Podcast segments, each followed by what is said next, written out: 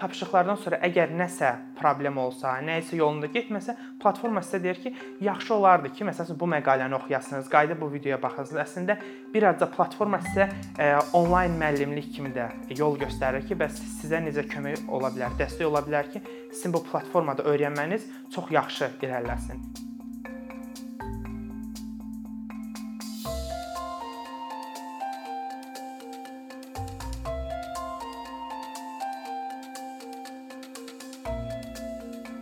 Xan Akademiyası və yaxud da ki Khan Akademi ingilis dilində dedikləri versiyada dünyanın ən böyük onlayn platformalarından biridir.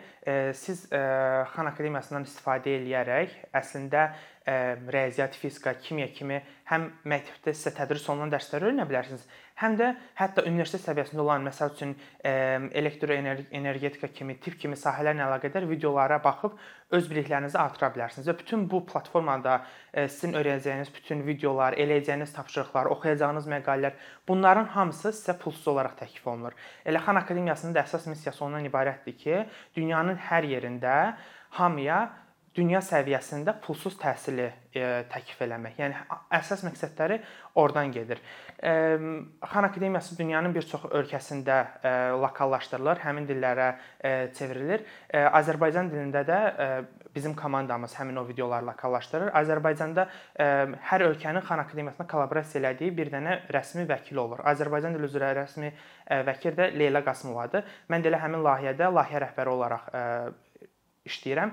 Biz həmin layihəyə 2017-ci ildən başlamışıq və 2017-ci ildən etibarən bu vaxta qədər 7000-dən çox artıq videolar lokallaşdırılmışıq və bizim platformamızda artıq ortalama 15 mindən çox tapşırıq var. Yəni siz həmin o platformaya daxil olub hal-hazırda Azərbaycan dilində olan tapşırıqlar eləyə bilərsiniz, videolara baxa bilərsiniz, məqalələr oxuya bilərsiniz bu videoların biraz strukturu haqqında danışmaq istəyirəm və bu videolar tələbələrə necə kömək eləyə bilər, müəllimlərə necə kömək eləyə bilər və yaxud da ki, siz bir valideyn kimi o platformanı istifadə edib öz uşaqlarınıza necə kömək eləyə bilərsiniz? Biraz bunun haqqında danışmaq istəyirəm. Çünki siz Xan Akademiyasına daxil olanda sizə 3 dənə seçim verir. Valideyn kimi daxil olmaq istəyirsiniz, tələbə kimi, yoxsa müəllim kimi. Siz tələbə kimi daxil olanda platformaya hər şey əslində çox sadədir. Yəni siz deyirsiniz ki, mən 2-ci sinifəm, sinifinizi qeyd edirsiniz, platformada soruşurlar ki, bəs siz nə öyrənmək istəyirsiniz? Siz riyaziyyatı klikləyəndə bir dəstə sual verir ki, sizin biliyinizi yoxlayaqmı və yaxud da ki, hardan başlamaq istəyirsiniz? Əgər siz deyirsiniz ki, məsəl üçün mən 6-cı sinifdə oxuyuram, amma məsəl üçün əvvəlki biliklərimi də təkrarlamaq istəyirəm, onda platforma başlayır lap 1-ci sinifdən. Siz tez-tez videolara baxırsınız, o videolarla əlaqədar olan tapşırıqları eləyirsiniz və tapşırıqlardan sonra əgər nəsə problem olsa, nəyisə yolunda getməsə, platforma sizə deyir ki, yaxşı olardı ki, məsələn bu məqaləni oxuyasınız, qayıdıb bu videoya baxasınız. Əslində bir azca platforma sizə onlayn müəllimlik kimi də yol göstərir ki, bəs sizə necə kömək ola bilər, dəstək ola bilər ki, sizin bu platformada öyrənməniz çox yaxşı irəliləsin bir e, tələbə perspektivindən də bir nüansa toxunmaq istəyirəm. Xan Akademiyasının digər onlayn platformalardan ən böyük məncə üstünlüyü ondan ibarətdir ki, siz Xan Akademiyasına girəndə təkcə tapşırıq eləmisiniz. Elə bil tapşırıq elədikcə siz müxtəlif e, nailiyyətlər əldə edirsiniz. Sizə xüsusi olaraq nişan verir platforma, həvəsləndirmək üçün bal verir. Yəni bu əslində sizin üçün bir motivasiyadır. Tələbə kimi ki, daha çox eləyəsiniz, daha çox tapşırıq eləyəsiniz, daha çox məqalə oxuyasınız. O platformanın özünün alqoritmasıdır ki, hesablayır ki, sizə nə qədər xal versin, sizə nə, nə o da təbii ki də e, sizin izlədiyiniz videonun uzunluğundan asılıdır, tapşırığı doğru elib eləməməyinizdən asılıdır. Xan Akademiyasını təzə qurulanda ilk dəfə Silikon vadisində bir məktəbdə bir dənə təcrübələri olub. Deməli necə olub bu? Orda oxuyan 9-cu sinif şagirdlərini bir yerə çağırıblar və bu uşaqların içində xüsusi olaraq dərsləri o qədər də yaxşı olmayan uşaqları çağırıblar bir yerə. Və bu uşaqlara deyiblər ki, onlar Xan Akademiyasından istifadə edərək ta bağça səviyyəsindən 9-cu səviyyə 9-cu sinifə qədər bütün videoları tək-tək baxsınlar. Əgər məsəl üçün siz bağça səviyyəsində tutaq ki, 2 üstə gələk 2 misalını çox yaxşı eləyə bilirsinizsə, əla, onda tapşırıq eləyirsiniz, qutarır, o birisini daha tez keçsiniz. Eləyə bilmirsinizsə, elə bil onu öyrənənə qədər platforma sizə öyrətməyə çalışır. Və bu uşaqlar bağça səviyyəsindən 1-ci ibtidai sinif, orta məktəb hamısını Xan Akademiyasından istifadə edərək riyaziyyat dərslərini e, öyrəniblər və e, orada uğur səviyyəsi çox yüksək olub. Yəni normalda bu dərsdə iştirak eləməyən və yaxud da ki, kəsiləcəyi gözlənilən uşaqların əslində 9-cu sinif kurikulumun çox asanlıqla keçdiyini görüblər. Yəni bu hardan irəli gəlir? E, bunun Xan Akademiyasının adlandırdığı bir termin var. Xüsusi olaraq bu Xan Akademiyasına aid bir şeydir. Adı gedir master learning. Yəni siz öz öyrənməyinizin ustadı olursunuz Azərbaycanca desək. Yəni platformanın alqoritması elədir ki, başa düşür ki, siz o dərsi həqiqətən ustadısınız, o dərsi həqiqətən öyrənirsiniz yoxsa yox. Yəni O isə bunu necə yoxlayır? Siz videonu izləyib qutarandan sonra müxtəlif tapşırıqlar verir. O tapşırıqların çətinliyinə görə, tapşırıqların miqdarına görə platforma başa düşür ki, bu şagird dərsi bilir, bu tapşırığı eləyə bilir, yoxsa yox. Yəni əslində e, şagird kimi sizə göstərirkən axırda siz hansı dərslərdə ustadsınız, hansı dərslərdə yaxşısınız. Deyək ki, tələbə kimi hər şey oldu, belə qutardı. Keçək müəllim kimi siz nə eləyə bilərsiniz? Müəllim kimi siz hal-hazırda e, elə Azərbaycan dilində olan platformada istifadə edərək bunu eləyə bilərsiniz. Daxil olursunuz və Daxil olandan sonra öz məktəbinizin adını yazırsınız və öz sinifinizi yaradırsınız. Sinifinizi yaradandan sonra uşaqların heç özlərinə e-mail açmadan, uşaqları sözünüz e, istifadəçi adı və parola təyin edib bütün uşaqları sinifinizə elə bil onlayn bir sinif yaradırsınız. Onlayn bir sinif yaradandan sonra o uşaqlara e, kompüter, tablet olmadan adi bir telefonla da daxil olub rahatcan e, rahat olaraq e, istifadə edə bilirlər platformadan. Siz deyək ki, keçirsiniz, deyək kəsr kəsirlərin toplanması dərsini keçirsiniz məktəbdə və evə tapşırıq vermək istəyirsiniz. Normalda e, deyək ki, orta məktəb dərsliyindən verirsiniz bir də e, bir dənə tapşırıq, amma əlavə vermək istəyirsiniz, istəyirsiniz ya da ki, deyirsiniz ki, kimsə daha çox tapşırıq eləmək istəyirsə bunu istifadə eləsinlər.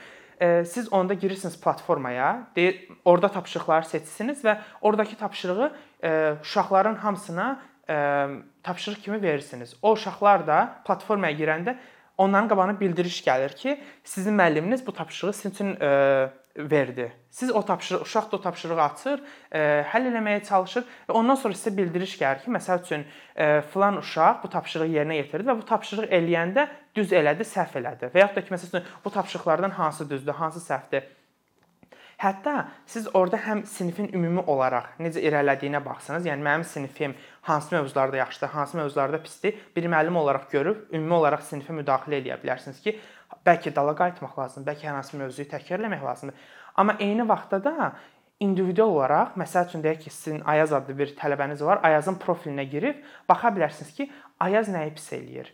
Ayaz məsəl üçün deyək ki, yenə kəsirlərə aid misalları pis eləyirsə, onda siz Ola bilər ki, yenə deyirəm, sizin müəllim kimi vaxtınız yoxdur hamıya e, fərdi olaraq yanaşmağa. Siz Ayaza xüsusi olaraq videoları seçə bilərsiniz. Deyə bilərsiniz ki, mən bu videonu Ayaza tapşırıq kimi verirəm. Onda Ayaz platformaya girəndə görür ki, o videoya baxmalıdır. Yəni təkrar olaraq o videoya baxanda ə, e, elə bil o dərsi təkrar eləyir. Bəlkə də yenidən öyrənmiş olur. Yəni əslində siz bir bir müəllim üçün Xan Akademiyası onlayn köməkçi kimidir. Yəni ona çox yaxşı bir assistentdir valideyn kimi siz nə eləyə bilərsiniz? Yenə əslində valideynlə müəllim profili bir-birinə oxşuyur. Sadəcə olaraq siz eyni məsələni sinif olaraq yox, öz uşaqlarınız üçün yarada bilərsiniz. Yəni öz uşağınızın ümumi olaraq öyrənməsi necə gedir, harda problemlər var, ona özünüz tapşırıqlar verə bilirsiniz. Yəni eyni məsələni valideyn perspektivindən də həyata keçirmək olur.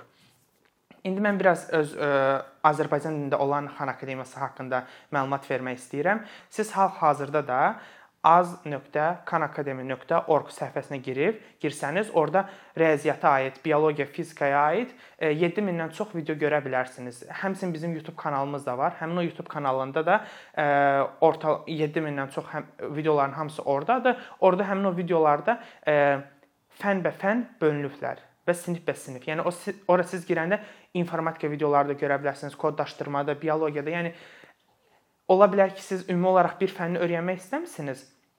Xüsusi olaraq nəyisə öyrənmək istəyirsiniz. Belə olanda da ə, e, aça bilərsiniz. Tutaq ki, biologiyanın ancaq zoologiya ilə əlaqədar olan hissəsinə baxmaq istəsəniz, onun da xüsusi bir hissəsi var. Həmin o YouTube kanalımızdan istifadə edərək ə, e, nəzərdən keçirə bilərsiniz. Ə, indi biz bura, bura gələnə qədər 7000 videonu hazırlayıb hardasa 20 milyondan çox sözü tərcümə eləyib, e, platformanı bu vəziyyətə gətirənə qədər üstündən 5 il keçib və bu 5 il boyunca əslində bizə ortalama 1000-dən çox könüllü kömək eləyir. Yəni bu könüllülər adi universitetdə oxuyan tələbələrdir, bəzən də universitetdə işləyən və yaxud da ki, məktəblərdə işləyən müəllimlərdir və biz bu insanların çox-çox böyük əksəriyyəti ilə könüllü olaraq işləmişik. Yəni onlara heç bir maddi olaraq dəstək ola bilməmişik. Təəssüflər olsun ki və onlar ancaq könüllü olaraq iştirak ediblər. Ən başda xüsusi olaraq 3-4 il boyunca hər şeyi könüllü olaraq biz bir yerə gətirmişik. müəyyən illər irəlilədikcə, xüsusilə son 2 ildə Təhsil Nazirliyi ilə bəzi kollaborasiyalarımız olub, bəzi məktəblərlə olub ki, videoların lokallaşdırılması, Xan Akademiyasının bəzi məktəblərdə istifadə eləyərək necə o məktəbə kömək eləmək olar, onunla bağlı bəzi layihələrimiz olub. Bu layihələri də biz diqqət eləyirik ki, xüsusilə ehtiyac olan bölgələrdə eləyək. Yəni məsəl üçün mən elə fikirləşirəm ki, ən azından bu layihəni gedib hər hansı bir özəl məktəbdə Bakının göbəyində eləsək, effektivliyindən danışmaq biraz gülünc olar. Çünki onsuz ki, o uşaqların internetə çıxışı var və istəsələr ingilis dilində olan platformanı istifadə eləyərlər. Biz layihələrimizi eləmişik Ağstafada bir dənə məktəbdə, birini eləmişik Maşdağada, birini eləmişik Nardaranda. Biz özümüz rəsmi Xan Akademiyasının Azərbaycanca komandası olaraq. Buna əlavə olaraq başqa bir qurumlarla da kollaborasiyalar eləmişik. Onlarla məsəl üçün bir dənə proqram yaratmışdıq. 10 dənə müəllimi dəvət eləmişdik. Onlara Xan Akademiyasından necə istifadə etmək lazımdır. Ümumi olaraq onlar ə, necə istifadə edib uşaqları ə, tapşırıq verə bilərlər, ə, uşaqların öyrənməyini necə analiz edə bilərlər, bunu başa salmağa çalışmışdıq. Yəni 6 aylıq proqram şəklində bu 10 müəllim ə, bizlə bir yerdə praktik olaraq hər şeyi öyrənmişdilər. Belə bir sual ortaya çıxır ki, bəs biz indi nə eləyə bilərik və yaxud da ki, bizim öz komandamızın nəyə ehtiyacı var ki, biz ə, bu işlərimizi daha da yaxşı hala gətirək. Birincisi ondan ibarətdir ki, yəni 2017-ci ildən 2023-ə qədər, yəni 6 ildir bu komandada dəyişməyən ikicə nəfərdir. Mən və Leyla Qasımova. Yəni bu biraz normaldır, çünki insanın təbii ki də bizim işlədiyimiz insanlar professionallardır əksəriyyət və bu professional insanların başqa işləri olduğu üçün biz və biz onlara hər hansı bir maddi dəstək göstərə bilmədiyimiz üçün bir yerdən sonra həmin insanlar komandamızdan ayrılmağa başlayırlar. Çünki mütəmadi olaraq bizim təklif eləyə biləcəyimiz bir iş pozisiyası olmur. Belə olan halda bizim təbii ki də ən çox ehtiyacımız olan kollaborasiya eləyə biləcəyimiz böyük qurumlardır. Çünki bu çox böyük bir təcrübədir. Başqa ölkələrdə olan Xan Akademiyasında da Xan Akademiyasının başqa ölkələrdə olan versiyalarında da əslində bu çox istifadə olunan yoldur. Məsəl üçün Portuqaliyada, İspaniyada, Türkiyədə, Rusiyada, bu ölkələrdə məsəl üçün onların bir dənə əsas partnyorları var. Yəni həmin o partnyorla bir yerdə o videoları hazırlayırlar və onlar həmin o məsəl üçün Xan Akademi Türkcə onlar həmişə göstərirlər ki, onların kollaborasiya etdikləri şirkət budur. Ya da ki, məsəl üçün Portuqaliyada da. Təbii ki də bunun başqa metodları da var. Bizim elədiyimiz kimi individual qrantlara müraciət edib də nəsə əldə etmək olar, amma ə, təbii ki də ən yaxşı yol kimləsə mütəmadi olaraq davam edən kollaborasiyadır.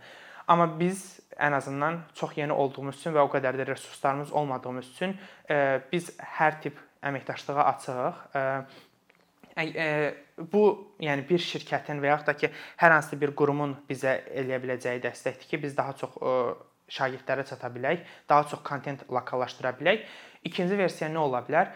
Siz əgər çox professionalsınızsa öz sahənizdə, deyək ki, siz bir iqtisadiyyatçısınız və yaxud da ki, bioloqsunuzsa, belə bir şey də ola bilər ki, bizlə əlaqə saxlaya bilərsiniz və biz sizin həqiqətən o sahədə bilikli olduğunuzu müəyyən bir proseslə test etdikdən sonra sizi artıq komandamıza dəvət eləyə bilərik və bizlə bir yerdə könüllü şəkildə o videoları artıq lokallaşdıra bilərsiniz.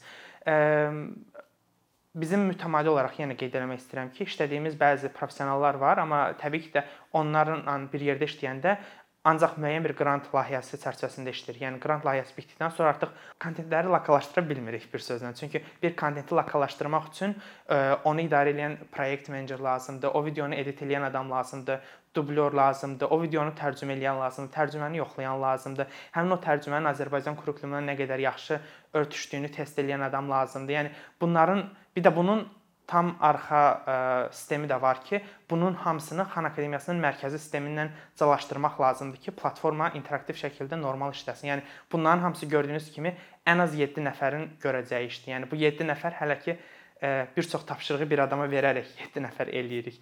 Ə, yəni 7 nəfərlik 7 nəfərin iştirak elədiyi bir videonu hazırlamaq üçün 7 nəfərin iştirak elədiyi prosesdə təbii ki də arada tapa bilmədiyimiz insanlar olur. Yəni ona görə əgər siz yaxşı video edit eləyə bilirsinizsə və yaxud da ki, fikirləşirsiniz ki, sizin səsiniz yaxşıdır və təhsil videolarına səsləndirə bilərsiniz, onda təbii ki də bizlə əlaqə saxlaya bilərsiniz və biz çox şad olardıq ki, elə sizin də köməyinizdən istifadə edərək daha çox şagirdə çata bilək. Bu platformanın əslində nə qədər böyük olduğundan, bizim gördüyümüz işlərdən və yaxud da ki, bu kontent məsələlərindən danışdım, amma ən vacib nüansa toxunmaq istəyirəm ki, bu kontent, bu platforma nə qədər uşağa kömək eləyə bilər, nə qədər şagirdə kömək eləyə bilər. Mən özüm e, mərkəz ofisindən birbaşa əlaqədə olduğum üçün e, orada bir dənə mail var, yəni elektron poçt var. O elektron poçtda hər gün ən azından 3 dənə mesaj gəlir ki, bəs məsəl üçün Hindistandan olan filan uşaq mesaj yazdı ki, sizin sayənizdə mən bura getdim. Yəni çox çox böyük ssenari olur. Azərbaycandan da məsəl üçün bir e, bir adam olmuşdu ki, o deyirdi ki, mən adi TQD-yə hazırlaşanda videolara Xan Akademiyasının bizim o vaxt Azərbaycanda videolarımız yox idi. O qeyd etmişdi ki, mən ingilis dilində olan videolara baxaraq imtahana hazırlaşmışam. Mənim özümün, yəni e, Xan Akademiyasında tanışdığım yer olub ki, mən Ağstafada böyüyəndə əgər bilmirsinizsə, Türkiyəyə getmək üçün YÖS imtahanı lazımdır. O YÖS imtahanını vermək üçün də hazırlığa getmək lazımdır türk dilindən. Mənim də ə, e, Ağstafada da elə bir imkan olmadığı üçün, məsəl üçün mən o Xan Akademiyasının türkcə versiyasını hesab, yəni istifadə eləyərək o imtahana hazırlaşıb Türkiyəyə qəbul olmuşdum. Yəni Bu əslində mənim təcrübəmdən göstərir ki, çox da müəlliməyə ehtiyac olmadan o uşağın özü istifadə eləyərək aradakı boşluqları necə doldura bilər. Onsuz da Xan Akademiyası istəsəniz bir platform bir e, məsələni başdan ayağa sizə öyrədə bilər. Amma ondan əlavə olaraq da ki, mən fikirləşirəm Xan Akademiyasının ən ən böyük köməyi ondan ibarətdir ki, sizin, yəni siz nəyisə öyrənəndə elə bil kərpic-kərpic nəyisə üstünə qoyursunuz, amma arada o kərpiclər olmaya bilər. Yəni olur da, yəni siz öyrənə bilmirsiniz nə isə. O xan akademiyasının ən böyük köməyi odur ki, siz arxaya gəlib o kərpicləri doldura biləsiniz. Bye.